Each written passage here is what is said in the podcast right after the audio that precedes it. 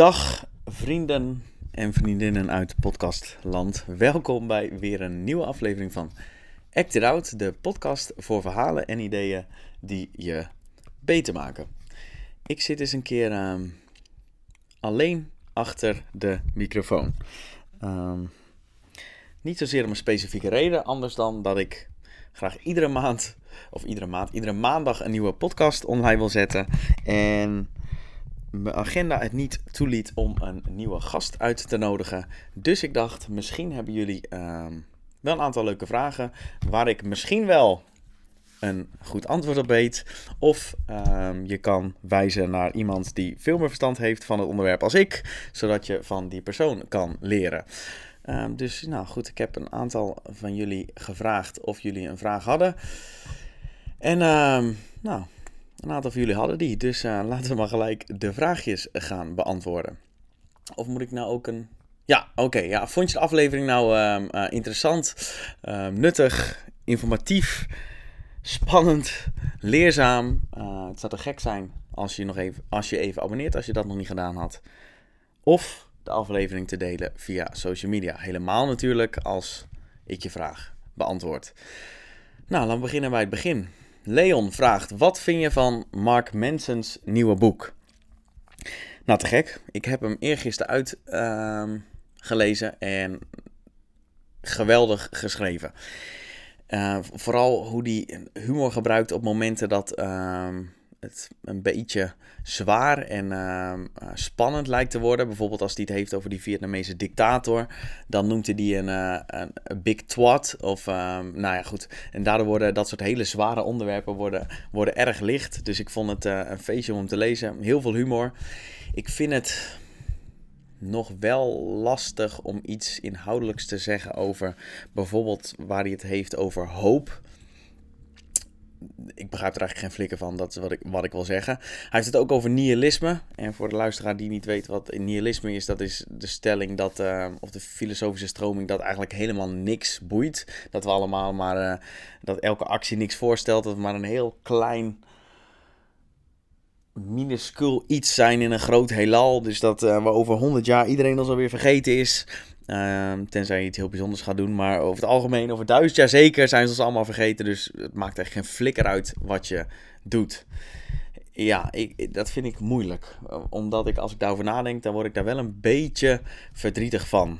Omdat ik dan denk, ja, omdat als toch niks zin heeft, waarom zou ik dan überhaupt wat doen? Tegelijkertijd zegt hij ook in het boek, uh, Mark Manson, dat als niks uitmaakt, dat het ook bevrijdend kan zijn. Want als toch niks uitmaakt, ja, waarom ga je dan niet gewoon shit doen? Want het maakt toch niet uit. Volgens mij noemt hij dat amor fati. En dat vind ik wel een nice idee. Ik heb al eens gelezen dat iemand, uh, ik weet niet wie het was, zal wel Tim Ferriss zijn of zo, Jordan Peterson, zou goed kunnen, dat... Uh, die zichzelf afvraagt als hij, voor, uh, als hij op weerstand stuit of een moeilijke beslissing, dat hij dan zichzelf vraagt: joh, als ik 93 ben en kijk terug op mijn leven, zal dit dan uh, een significant iets zijn? Of uh, zou je dan lachen om de weerstand die ik nu voel? Nou, vind ik wel een interessante. Ik probeer het wel eens te doen, lukt niet altijd. Maar ik vind ehm, dat niks uitmaakt dat je daardoor maar gewoon doet. Een veel beter uitgangspunt dan maar ehm, passief worden omdat je denkt: fuck it, het maakt allemaal geen reden uit. Geen reden uit.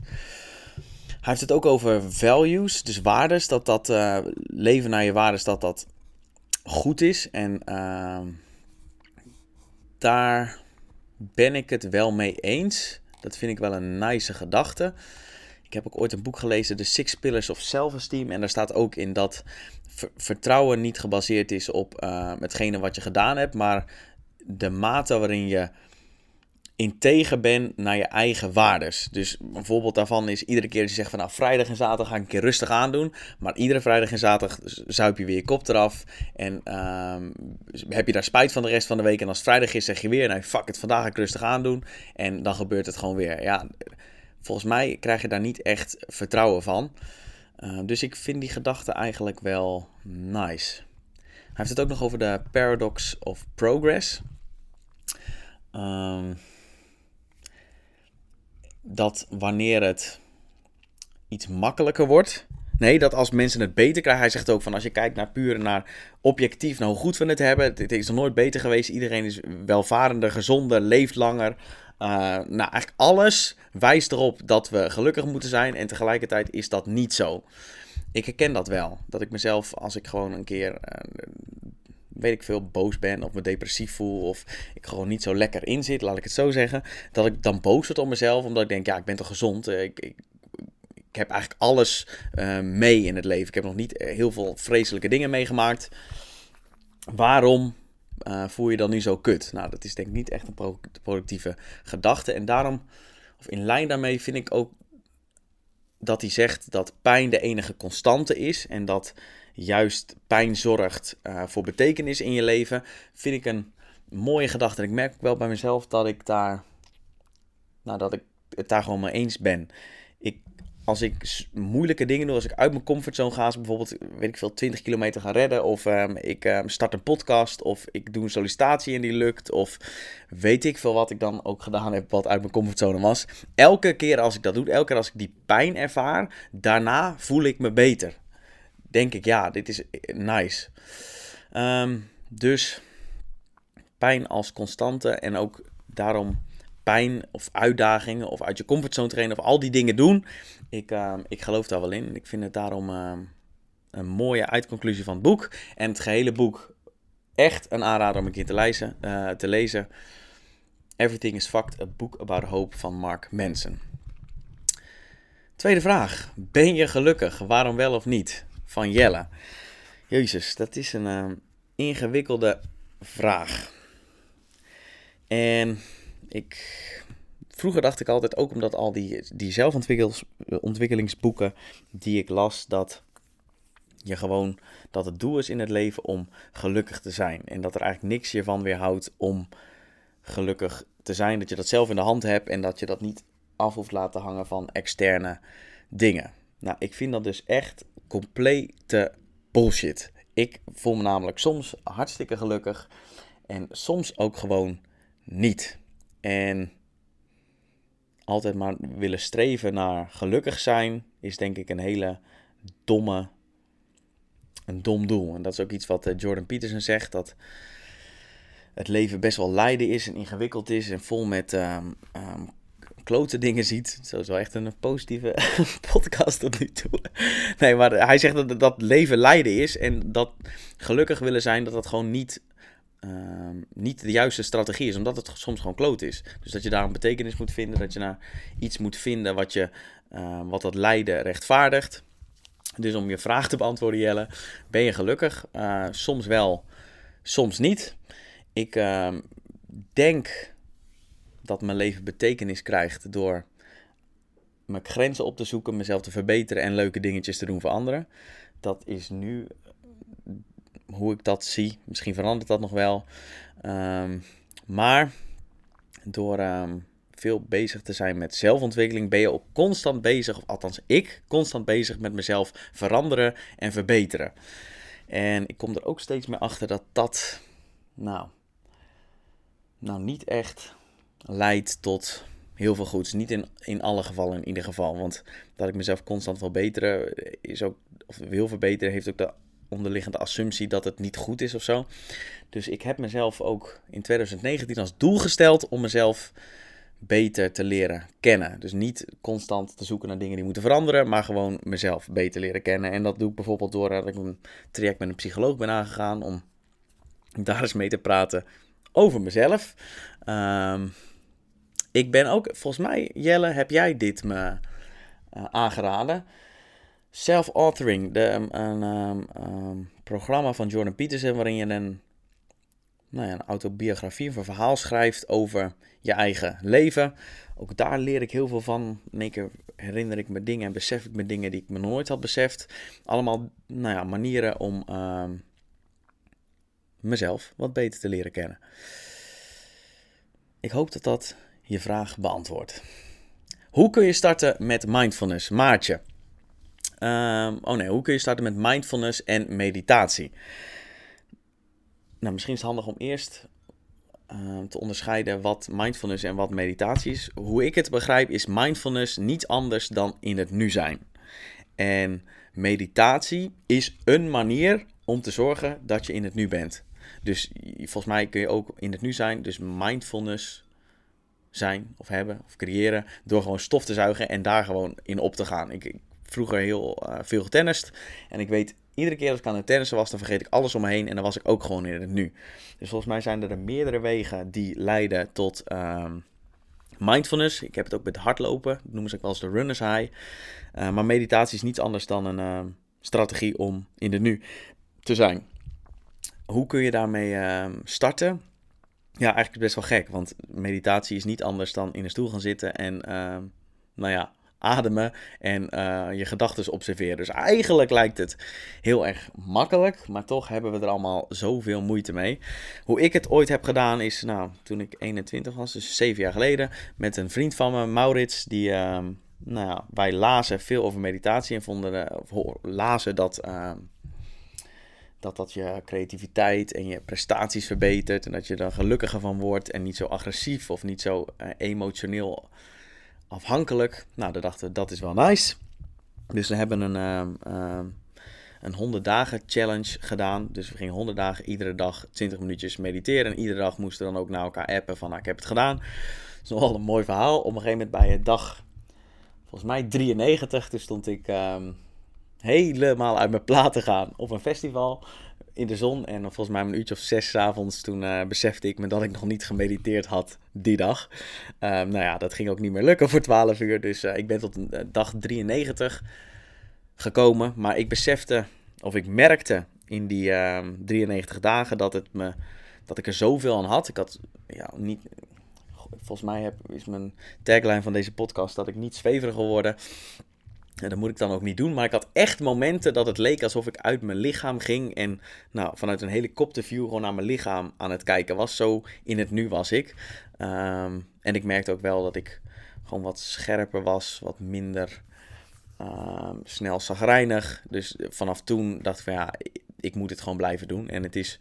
Ik heb als periodes gehad dat het iets minder was. Maar over het algemeen um, mediteer ik iedere dag. En nou, als ik iets mag aanraden in iemand, aan iemand om uh, wat uh, nou, chiller door het leven te gaan, dan is dat uh, mediteren. Ik hoop dat dat je vraag beantwoordt, maatje. Martijn vraagt: Gebruik jij een bepaalde methodiek-app voor je agenda en to-do-lijst? Nou, dat doe ik. En ik heb de laatste een podcast gehad. Dat was de vorige podcast met Rick, die het uh, broek, boek, broek, het boek Grip heeft geschreven ben ik inmiddels groot fan van. En iedereen die nou ja, interesse heeft of in productiviteit of wel eens heeft dat ze een beetje overweldigd krijgen of meer taken dan tijd of niet gestructureerd te werk gaan, waardoor ze dingen vergeten. Allemaal dat soort symptomen. Dan is het heel goed om een keer het boek Grip te lezen. Um, ook het boek Getting Things Done zou ik aanraden. Alleen dat is wel iets meer ingewikkelder. Ik denk als je het nog niet doet, dat het beter is om het boek Grip uh, te lezen. En nou, twee dingen die mij heel veel brengen. Dat is um, alles op één plek verzamelen. Mijn grootste ding is als het gaat om productiviteit, dat ik overwhelm krijg. Dus dat ik een taak begin en dat ik op een gegeven moment geen overzicht meer heb met alle dingen die nog moeten gebeuren. Um, en op het moment dat ik alles verzamel op één plek, en vanuit daar nadenken over wat alle stappen zijn om dingen te doen, dan ervaar ik daar veel rust van. Dan kan ik het namelijk met rust laten dat alles wat ik moet doen op die plek staat. Het tweede ding is, uh, volgens mij staat dat in het boek ook van de zeven eigenschappen van effectief leiderschap, maar ook in het boek Grip. Dat is de kwadrant, uh, een kwadrant. En aan de horizontale zijde heb je um, werk dat niet belangrijk en niet belangrijk en belangrijk is. En verticaal is het urgent en niet urgent. En in het boek staat dat je het liefste dingen wil doen die belangrijk zijn en niet urgent. Nou, voor mij was dat um, mijn financiën in orde maken. Ik was er echt een. Uh, nou ja, dat was echt een drama bij mij. Dus ik heb dat op een gegeven moment allemaal geautomatiseerd, waardoor ik daar niet meer over na hoef te denken. Alles in mijn agenda. Als ik een afspraak maakte met iemand, dan zet ik dat niet in mijn agenda. En op een gegeven moment vroeg nog iemand wat om te doen. Of ik had een werkafspraak en zei ik, ja, dat kan wel. En dan kwam ik daarmee in de knoop. Dus ook dat soort dingen al mijn afspraken zet ik in mijn agenda. En ik heb een wekelijkse update. Ook daar praat ik over in de podcast met Grip, of met Rick, auteur van het boek Grip. Iedere week nadenken over ehm, of reflecteren op je week. Dus wat heb je gedaan? Wat ging er goed? Wat ging er niet goed? Alle losse eindjes, dus alle losse taakjes die je overal hebt opgeschreven, ehm, weer in je systeem krijgen. Dat geeft me heel veel rust en overzicht. Dus ehm, dat zou ik ook 100% aanraken. Dus aanraden. Dus lees het boek Grip van Rick Pastoor. En uh, nou ja, pas gewoon de dingen toe. Dan ben je een stuk productiever. Dat beloof ik je. Ineke vraagt: hoe kies en of vind je je gasten voor je podcast? nou, dat gaat een beetje op gevoel. Als ik een klik voel, ik denk, nou, met deze persoon zou ik een leuke, leuk gesprek kunnen hebben. Of ik denk iets te leren. Ik heb eerlijk gezegd ook wel eens mensen geïnterviewd waarbij ik niet 1, 2, 3 had van, nou, daar zou ik ook een biertje mee drinken in de kroeg.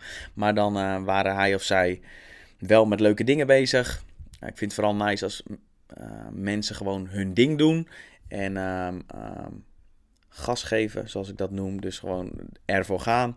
Ehm, ook omdat ik dat soms niet doe. Dus nou ja, ik mis dat af en toe bij mezelf. Dus dan vind ik het leuk om daarover te praten met mensen die dat wel hebben. Ja, maar meestal gewoon als ik denk iets te kunnen leren of met leuke personen lijken. Ik heb ooit een keer Joy Bouwmeester, waar ik een onwijs leuke podcast mee had. Die, kwam ik, die zag ik lopen in Utrecht en die volgde ik ook op Instagram. Dus toen uh, liep ik op de af. Zo, hey, jij daar? Dus hij zei echt zo van, what the fuck, wat moet die gast nou? Uh, dus we hebben een leuk gesprek gehad. En toen een paar weken later heb ik een podcast gedaan. Ik heb ook een keer gehad, zo'n mooi verhaal. Toen stond ik op een festival. Um, wederom een beetje uit mijn platen gaan. Ehm, zo vaak ga ik niet naar festivals toe maar als ik er ben, dan ben ik meestal wel uit mijn plaat. En toen zag ik Alexander den Heijer, nog steeds, denk ik, mijn favoriete podcast. Die zag ik daar uh, lopen. Ik denk, hé, hey, die gast die ken ik, die volgde ik ook al. Ze heb me ook aangesproken of hij een keer een podcast wilde doen. En nou, dat hebben we toen gedaan. Ik hoop dat het antwoord geeft, Ineke. Je favoriete boeken en podcast, Nigel. Ehm, hier heb ik een podcast over gemaakt.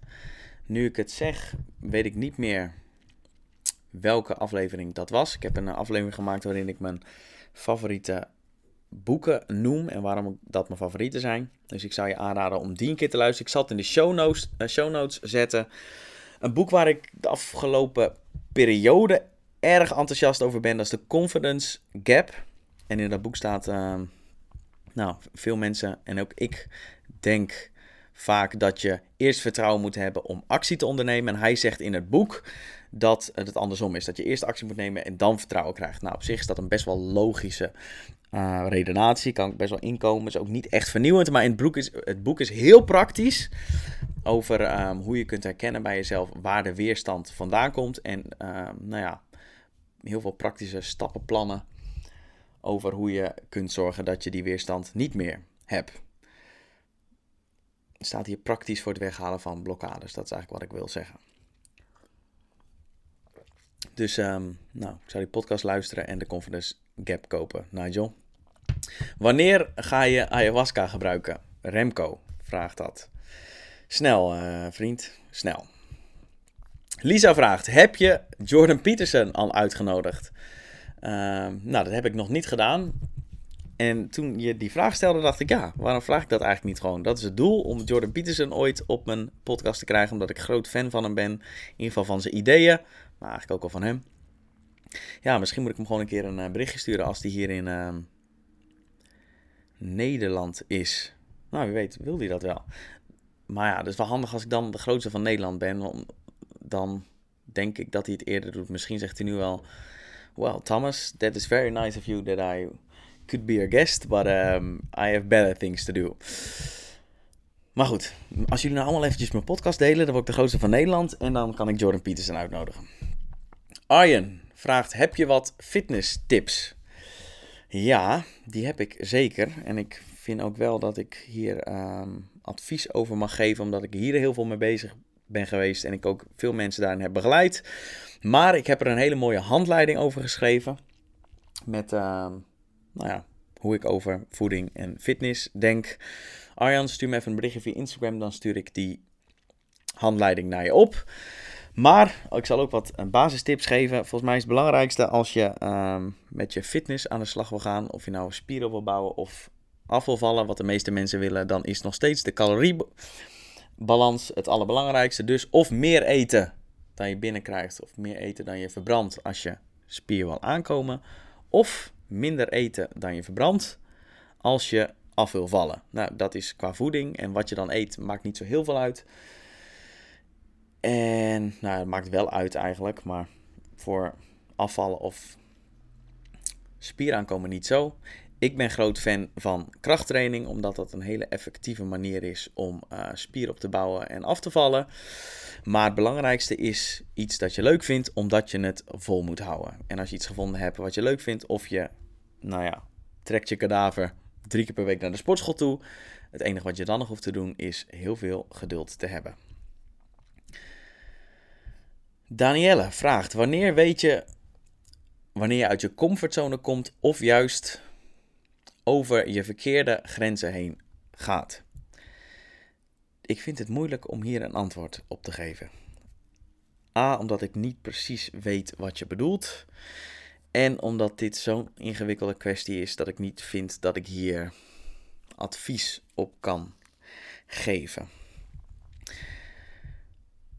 Het enige wat ik wel kan doen is uit mijn eigen ervaring praten, dus dat doe ik dan ook maar. Ehm, ik weet dat als ik uit mijn comfortzone ga, dan zit er altijd weerstand.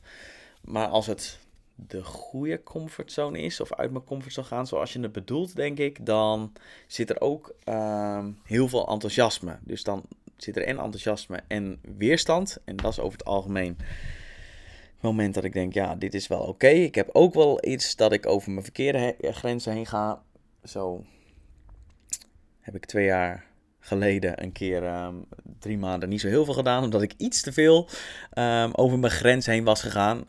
Dus nou ja, als je op een gegeven moment achter je computer zit en je begint, uh, je uh, breekt in tranen uit, dat is een uh, indicatie dat je over je verkeerde grens heen gaat.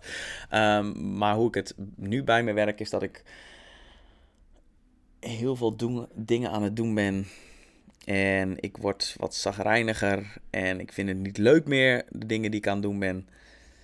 Dan weet ik dat het of te veel is, of dat ik misschien wel met de verkeerde dingen bezig ben.